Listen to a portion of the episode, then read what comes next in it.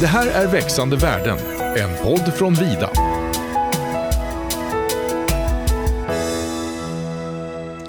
Hej och kul att du har valt att lyssna på Vidas podd Växande värde. Och podden gör vi för att du som skogsägare ska kunna öka värdet av din skog. Och idag är det säsongspremiär för våren och vi har väldigt många spännande ämnen framför oss. Och vi börjar säsongen med ett väldigt viktigt och tänkvärt sådant. Jag heter Joanna och min gäst idag är Madeleine Saldner. Välkommen hit Madeleine. Tack så mycket. Och du är ju hitbjuden i egenskap av att du är engagerad i Spillkråkan. Och vad det är kommer vi att fördjupa oss i om en liten stund, men eh, du kan väl börja med att berätta lite vem du är. Ja, eh, Madeleine Sallner då. Eh, jag bor utanför eh, Växjö eh, i Rottene, kommer från början från mitt älskade Ydre i södra Östergötland. Eh, och eh, det är också där jag har min familjegård och så, eh, med skog. Så det är liksom min bakgrund också till att jag gick med i just spillkråkan för att jag ville få med mig mer för framtiden. För att kunna bli skogsägare så småningom. Och vad är då spillkråkan? Ja, det är ju väldigt intressant. Det är en förening för skogsägande kvinnor eh, som har runt 500 medlemmar eh, överallt på olika ställen i Sverige. Och eh, tillsammans då så har vi räknat ut lite ungefär hur mycket skog vi har tillsammans och det är runt 68 000 hektar eh, beroende på lite när man räknar och sådär. Eh, men vi är en förening som eh, jobbar för lite olika saker, men vi har tre liksom, huvudpunkter som vi brukar säga att vi, vi gör. Och dels så vill vi stärka kvinnors inflytande inom den svenska skogsnäringen. Eh, vi vill öka kunskap och medvetenhet om hållbart skogsbruk och sen vill vi bygga nätverk för kvinnor eh, för både kunskapsutveckling och erfarenhetsutbyten. Så att, eh, det är liksom våra så stora mål eller så som vi jobbar med. Och sen har vi lokalavdelningar som vi kallar för stammar. Och de är åtta stycken eh, utspridda på lite olika ställen. Och där sker liksom det mesta av verksamheten. Vi har aktiviteter och träffar och skogsresor och sådär. Eh, och utbildningar. Så att mycket där att få mötas är viktigt, även om det har varit lite svårt nu det senaste då. Det har varit mycket digitala grejer som vi har gjort. Eh, och ehm, i övrigt så, så har vi också varit med i lite så här nationella och regionala skogsprogram och lite remissinstans och och lite andra frågor som vi vill vara med och påverka lite mer övergripande. Då. Hur länge har föreningen funnits? Sedan 1998. Och hur kom det sig att den startade? Ja men då var det så att det var eh, ett gäng kvinnor som ägde skog som såg att det fanns ett behov av att mötas och få erfarenhetsutbyte och utbilda sig och så. Eh, och det fanns också en känsla av att jo, men det finns ju många andra saker, utbildningar och så man kan, kan ta till sig och man kan gå på skogsträffar och skogsdagar och sådär. Men det fanns ändå en känsla av att det skulle vara gott att få göra det här tillsammans som kvinnor. Eh, och att lite ehm, få stärka varandra i det, att få bygga de här nätverken, att få utbyta erfarenheter. Eh, och det var ganska många som upplevde att det behövdes liksom en organisation just för kvinnor för att ta, ta tillvara på intressena som, som skogsägande kvinnor har. Då. Och den organisationen behövs än idag då? Ja, det är i alla fall vår uppfattning eh, är ju det. Eh, på något vis så tänker jag att det finns en lång historia av en, att skogen har varit en mansdominerad arena. Eh, och på det viset så så eh, behövs det någon som tar tillvara på skogsägande kvinnors intressen. Eh, och det kan vara på många olika sätt, men bland annat det här just med att öka sin kunskap och skapa nätverk. Det är många som söker sig till spillkråkan. Eh, man kanske har varit med i generationsskifte, fått ta över skog. Eh, det kan vara så att man har köpt sin skog nyligen eller varit skogsägare väldigt länge och, känner att det här sammanhanget skulle kunna ge mig mycket eh, som skogsägare. Så det finns fortsatt eh, mycket som vi känner att det behövs göras just inom skogsnäringen och, och för skogsägande kvinnor. Då. Mm. Och om man nu då blir lite nyfiken, eh, vilken sida på nätet kan man surfa in på då och lära sig mer? Då är det spillkrakan.se som man kommer till. Ja men det är bra, så vi inte missar att säga det. Ja, bra. men det är vi på Vida, vi tycker såklart att jämställdhet inom skogsbranschen är väldigt viktigt och det tycker vi ju såklart inom alla branscher. Så därför ser ju i alla fall jag jättemycket fram emot det här samtalet. Men vad är dina generella tankar kring jämställdhet inom, inom vår bransch? Ja, men dels som jag var inne på att det finns en lång historia av att det har varit en mansdominerad bransch. Eh, det gör väldigt mycket. Eh, under lång tid så har det varit männens arena. Ehm, och sen så just vad det gäller ägandet så får man komma ihåg att det är hundra år sedan som kvinnor fick faktiskt aktivt för förvalta sin egen skog. För det var först då som, som gifta kvinnor fick rätten att förvalta det man själv ägde.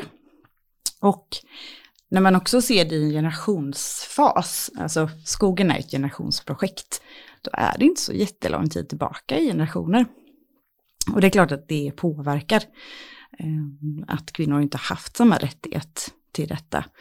Eh, så finns det mycket traditionella normer som är nedärvda. Eh, och det kan vara allt ifrån just det här med att äga eller generationsskifta. Men man kan också se det kopplat till Eh, hur det ser ut hos entreprenörer i forskningen eller i ledningspositioner i bolagen och så.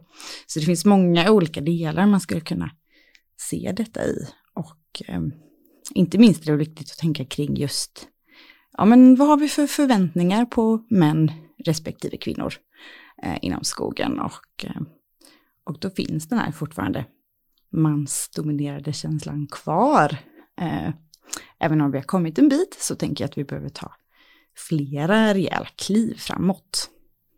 Så du menar att då för hundra år sedan, för det här visste inte jag, men då fick inte kvinnan äga skog, då var du tvungen att vara kvinnans man eller bror eller någon som gick in och ägde då? Ja, för då kvinnor var ju länge omyndiga och var man gift så var det ju mannen som hade hand om det. Eh, var man änka, då kunde man däremot förvalta sin egen egendom. Så det var egentligen den gruppen. Sen var det även en märklig lagstiftning som var att om man var gift innan 1921 så fortsatte fortfarande mannen att förvalta eh, det man ägde fram till 1950. Så det är, um, det är en väldigt speciell historia vi mm. kommer ifrån och det är lätt att glömma. Ja, det är lätt att glömma för det är kultur och arv som vi ändå har med oss. Mm. Precis. Spännande. Mm. Och förklarar en del. Mm. Mm. Men du, ehm, jag tänker att vi går in lite på det här med tjänster och att jobba inom skogen. Och på Vida så är vi 13 procent kvinnor och vi vill gärna bli fler. Och dock har vi få kvinnor eller ens några ibland när vi går ut och söker vissa tjänster som söker dem. Och eh, till exempel skogliga inköpare är en av de yrkesgrupperna där vi ser väldigt få kvinnliga sökande. Vad tror du det beror på? Ja, det är svårt att säga vad det just beror på. Kanske här, just mm. det här företaget eller så. Eh, men om man ser rent övergripande eller sådär så har det ju också varit en, en process där fler och fler kvinnor söker sig till utbildningar, skogliga utbildningar. Eh, fler och fler kvinnor kommer in på olika arenor och sådär. Och dels att det tar tid men också att det behövs ett väldigt medvetet och långsiktigt arbete. Eh, det brukar vara väldigt viktigt i i, eh, överhuvudtaget för att få genomslag så att eh, det finns ett medvetet arbete för att bli en, en attraktiv arbetsplats som också är, är jämställd. Eh, och det kan ju vara, det kan man jobba med på många olika sätt, men, men jag tänker sådär om man ska se lite framåt så allt förändringsarbete egentligen som man gör i organisationer handlar ju ofta om att ledningen finns med, att man är fullt involverade, att, att det är någonting som är viktigt som efterfrågas resultat inom och så. Eh, och det tror jag kan ha betydelse för att kvinnor kan se olika eh, organisationer, olika sammanhang och så som mer eller mindre attraktiva beroende på hur långt man har kommit i det. Om man liksom lite sådär eh, lyssnar av eller känner av också. Eh, så jag tror det är en process som man behöver jobba med. Mm. Nej, för nu blir jag väldigt här interna här, men vi tycker nämligen att inköpsyrket borde passa kvinnor alldeles utmärkt. Man har ju frihet och man är flexibel över sina arbetstider. Det är ett väldigt socialt jobb. Man får ta en skoglig affär från början till slut. Så ja, är du kvinna och lyssnar på detta så kan du väl höra av dig till oss på Vida så får du reda på allt om eh, hur det är att vara inköpare hos oss. Men du, på de skogliga utbildningarna så ser vi ju som du säger att eh, de kvinnliga ja, sökande ökar. Och vår eh, bedömning är att de väljer tjänster inom myndigheter och kommuner och så vidare, att de inte landar lika ofta på privata bolag. Delar du den uppfattningen? Jag har inte sett någon tydlig så statistik och vet exakt hur det hänger ihop, men eh, det kan ju vara så att eh, det är på det viset att kvinnor söker sig till, till vissa eh, myndigheter eller sammanhang och gärna jobbar där. Och överlag tänker jag att det handlar mycket om att många kvinnor vill söka sig någon typ av karriär eh, inom det som man börjar med och jobbar med efter man har pluggat. Eh, det kan ju också vara så att där man har kontakter och redan befintliga liksom, vägar in har väldigt stor betydelse. Eh, och just, just inköparrollen, eh, om man tar den, är ju verkligen en kontaktbransch. Eh, där det handlar väldigt mycket om kontakter och, och sådär. Och då, då kan ju det också vara någonting som tar tid att jobba igenom. Just att det kanske har varit den här mansdominerade branschen och att kontakterna går via män och att det också ibland finns på informella sätt som kanske kvinnor aldrig då riktigt kommer in till. Man kan ibland snacka om så här bastusnacket eller så, det som kvinnor liksom aldrig riktigt når. Så jag tänker det finns många olika saker som skulle kunna påverka detta då. Eh, och där tror jag att både att man får jobba aktivt för att eh, visa att de här arbetsplatserna har vi att erbjuda, eh, här finns det de här vägarna till karriär och sådär.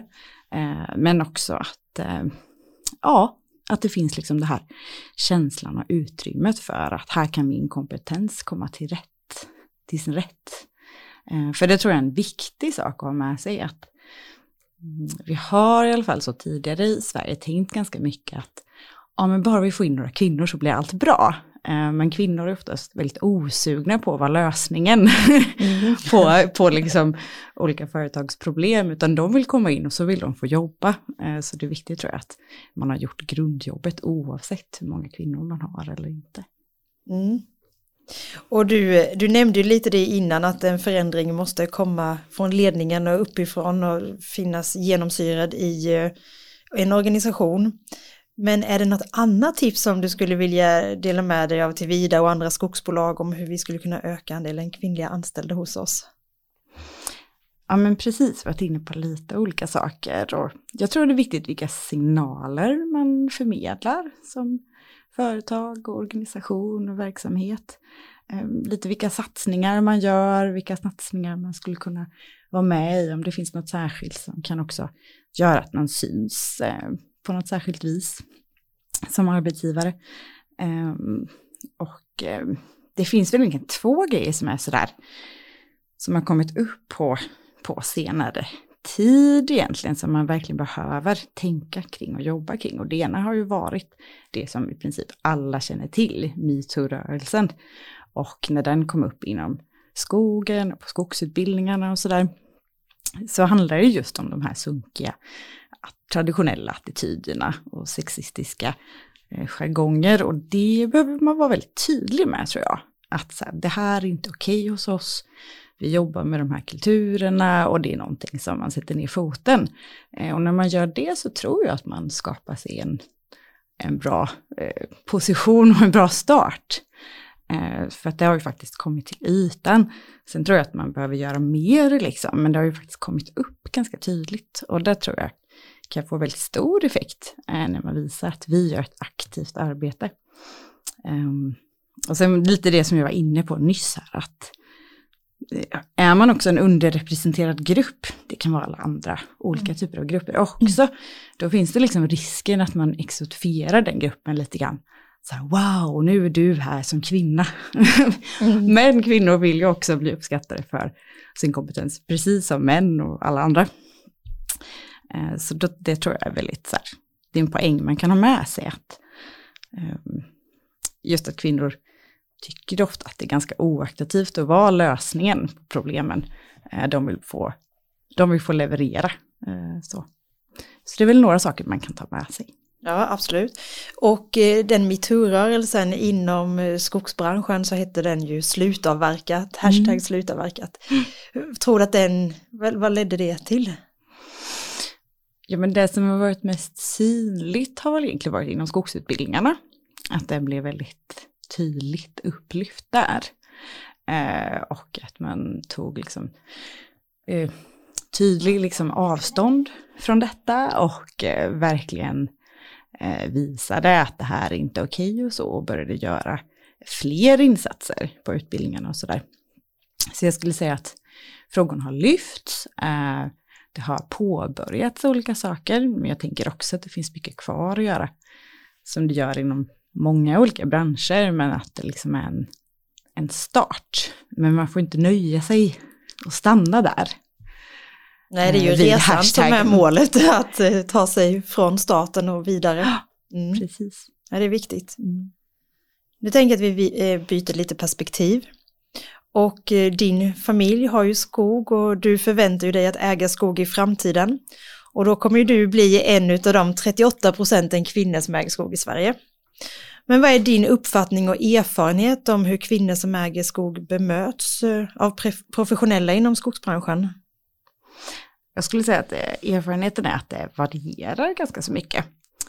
Det finns många olika berättelser där det både kan vara liksom ganska så förskräckligt och eh, historier om där det är jättebra. Så jag tänker att det finns en stor variation och kvinnor upplever ju detta olika givetvis.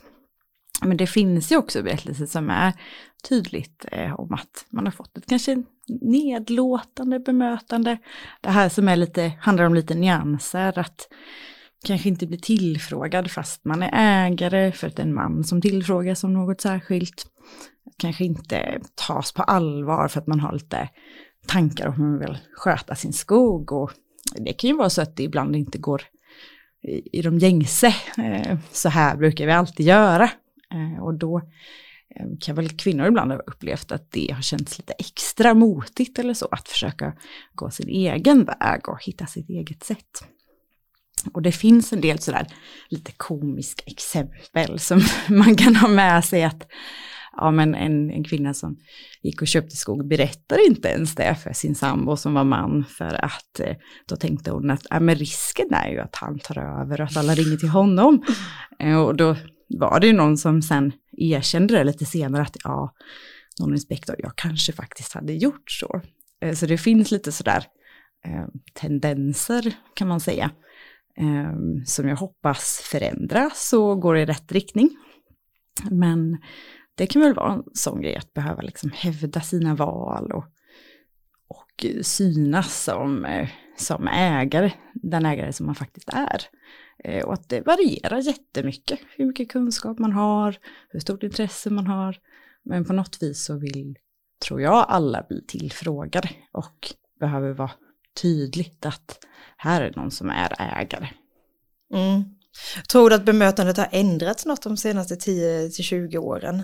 Jag tänker att vi i samhället förhoppningsvis har blivit mer upplysta. Ja men precis, det finns en eh, det finns ju absolut en förändring och framförallt skulle många säga att det handlar om en ökad acceptans och en ökad inkludering av kvinnor som just äger skog då. Och att det också finns ett ökat intresse för organisationer som till exempel Spillkråkan. Så finns det många andra nätverk i Sverige som också samlar kvinnor som äger skog och även nordiska nätverk och även de har ju också blivit uppmärksammade på ett helt annat sätt på senare tid. Eh, men jag vet de som var med och startade Spillkråkan, de kan ju berätta om ganska tydliga exempel på hur det var då. Och då var man på skogsmästor, eh, Elmia och Nolia och skulle dela ut lite broschyrer och då var det den här lite nedlåtande tonen, lite sådär raljerande, vad gör ni här och så. Inte jättemånga kvinnor med på mässorna och det var inte så stort intresse. Eh, och idag skulle jag säga att det är ganska stor skillnad. Eh, det är många kvinnor med på de här skogsmässorna, det är ett stort intresse för organisationerna, både kvinnor och män vill gärna veta mer. Eh, och många män kommer ju och tar en broschyr för att de vill ju gärna ge den till sin dotter eller fru eller någon annan man känner för att man känner att det här var någonting bra. Det här kanske, eh, man har kanske önskat att nästa generation ska vara intresserade av skogen och så vidare. Så man ser det snarare som väldigt goda tillfällen än, än tvärtom som innan att det var lite sådär. Att man kan dela avstånd. ett intresse. Ja, precis. Mm. Så, så det skulle jag säga som organisation och som eh, i de här sammanhangen så finns det ett helt annat eh, inkluderande idag. Ja men det låter ju bra, det låter ju hoppfullt i alla fall. Men vilka tips skulle du vilja skicka med eller vad är det bra att tänka på när vi möter skogsägare som är kvinnor eller för den delen samägda familjer som äger skog? Om jag skulle säga en sån här jättekonkret sak är att fråga efter alla ägare. Eh, om det är samägande, eh, ett par, en kvinna och en man eller om det är syskon, kusiner eller vad det kan vara. Eh, fråga efter alla ägare och se till att ägarna på något vis är involverade. Eh, att inte ta för givet till exempel att här är en lista av ägare, vi ska ringa upp någon av männen. Eh, en kompis till mig, hon sa det att när hon var samägde tillsammans med några kusiner så tenderade folk att ringa upp någon, någon man bland de här ägarna då. Men det var hon som var utsatt som kontaktperson och det där är ganska viktigt. Ehm, man kan också tänka på det där, vad har man själv med sig för syn och perspektiv och vad, vad är man själv medveten om? Det kan göra stor skillnad eh, när man tänker till kring det där. Vad har jag med mig? Hur ser jag på detta? Hur bemöter jag själv? Eh, om det är en kvinna respektive man. Och ändå vara lite ödmjuk och ärlig med sig själv. Eh, det kan göra jättemycket. Eh, ibland kan man behöva hjälp med det, att man har hittat utbildningar och pratar om de här sakerna för att man ska själv kunna liksom, ehm, ja, bli mer medveten om det. Och det tror jag att alla egentligen önskar sig, både kvinnor och män önskar sig kanske ett bemötande som är också eh, ganska så öppet. Eh, där alla får chans att vara den de är och så. Eh, för vi möter givetvis också män som kanske inte alltid uppskattar eller är bekväma med den här stereotypbilden av en man i skogen. Eh, så det behöver finnas en öppenhet på, på olika sätt. Så har man med sig de här perspektiven och lite mer medvetenhet så tror jag att det kan vara eh, väldigt bra för mötet med skogsägaren. Ja, men fråga sig själv egentligen om man bemöter kvinnor och män likadant och har de där glasögonen på sig lite större utsträckning. Ja, mm. absolut. Men nu tänker jag att vi vänder på kuttingen då och de kvinnor som väljer en skoglig yrkesbana och sedan blir till exempel inköpare eller skogsarbetare, de möter ju väldigt många skogsägare. Och vad tycker du att skogsägaren ska tänka på i det mötet när de har en kvinnlig professionell yrkesarbetare framför sig? Och jag skulle tänka givetvis på samma sätt tillbaka. Eh, att ha en öppenhet för det och det finns givetvis eh, tydligt, eh, eh är det en kvinna likväl som en man som är anställd på den här positionen så är den ju där för sin kompetens. Och eh, givetvis så behöver ju de här eh, som jobbar inom näringen eh, också verkligen eh, bli bemötta utifrån den kompetens de har och inte bli bemött utifrån att jaha, du är kvinna. Eh, och sen så eh, förväntar man sig någonting helt annat eller lägger sina frågor åt sidan eller förutsätter någonting. Utan eh, det finns otroligt mycket kunskap att hämta och driva engagemang i skogliga frågor eh, hos de som jobbar eh, med detta. Eh, och många gånger får ju kvinnor i, i den branschen slita ännu hårdare. Så att det kanske till och med är bättre. Mm. det här är någon som verkligen kommer anstränga sig. Inte förutsätta någonting. Mm. Nej. Och i en ideal värld, vad önskar du då av skogsbranschen gällande bemötande mot kvinnor och män som äger skog? Ja, så det eh, skulle ju egentligen vara att, eh, vi brukar säga det i spillkrokan, att egentligen skulle inte vi behöva finnas. Eh, vi önskar att det vore onödigt. Eh, så är det ju inte riktigt än, så då skulle det väl vara det då, att då är det en så pass jämställd värld vi lever i och just att bemötande och näringen också har kommit så pass långt att vi känner att ja, men det här behövs inte för att eh, kvinnor kommer bli välkomnade, inkluderade i vilka sammanhang som helst. Eh, och det behövs inte det här området där man organisationen där man kan gå på en utbildning och till exempel gå en röjsågskurs och känna sig verkligen bekväm och lugn över att här liksom, här blir inga konstigheter. Eh, det skulle ju vara det bästa.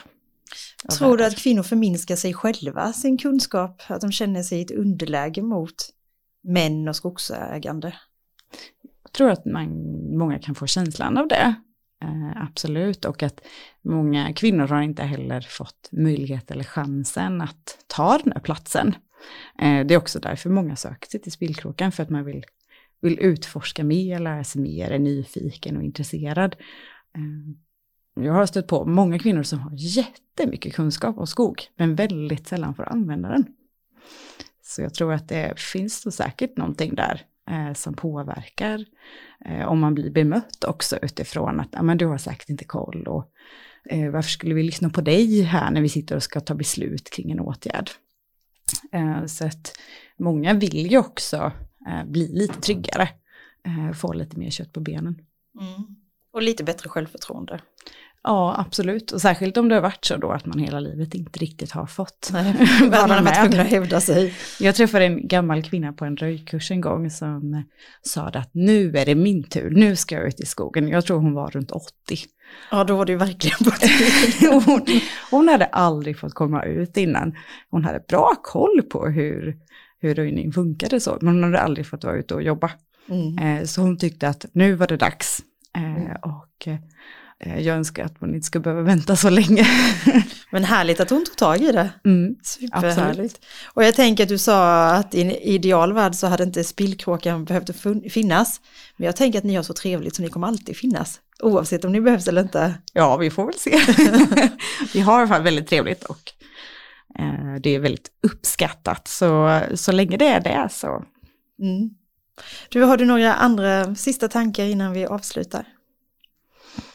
Men jag hade en tanke som jag funderade lite grann på förut, som jag tycker också är intressant att lyfta, eh, just kring det här med ägandet. Och eh, det var ju som du sa, 38 procent eh, mm. av Sveriges skogsägare är kvinnor.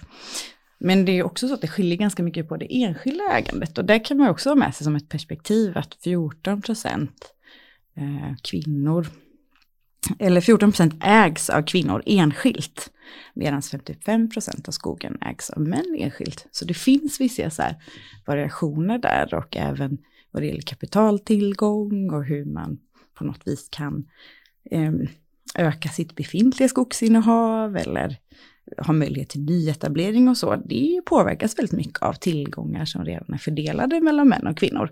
Så det finns fler intressanta saker att bita tag här i om man ska grotta ner sig ännu mer i just i ägandet.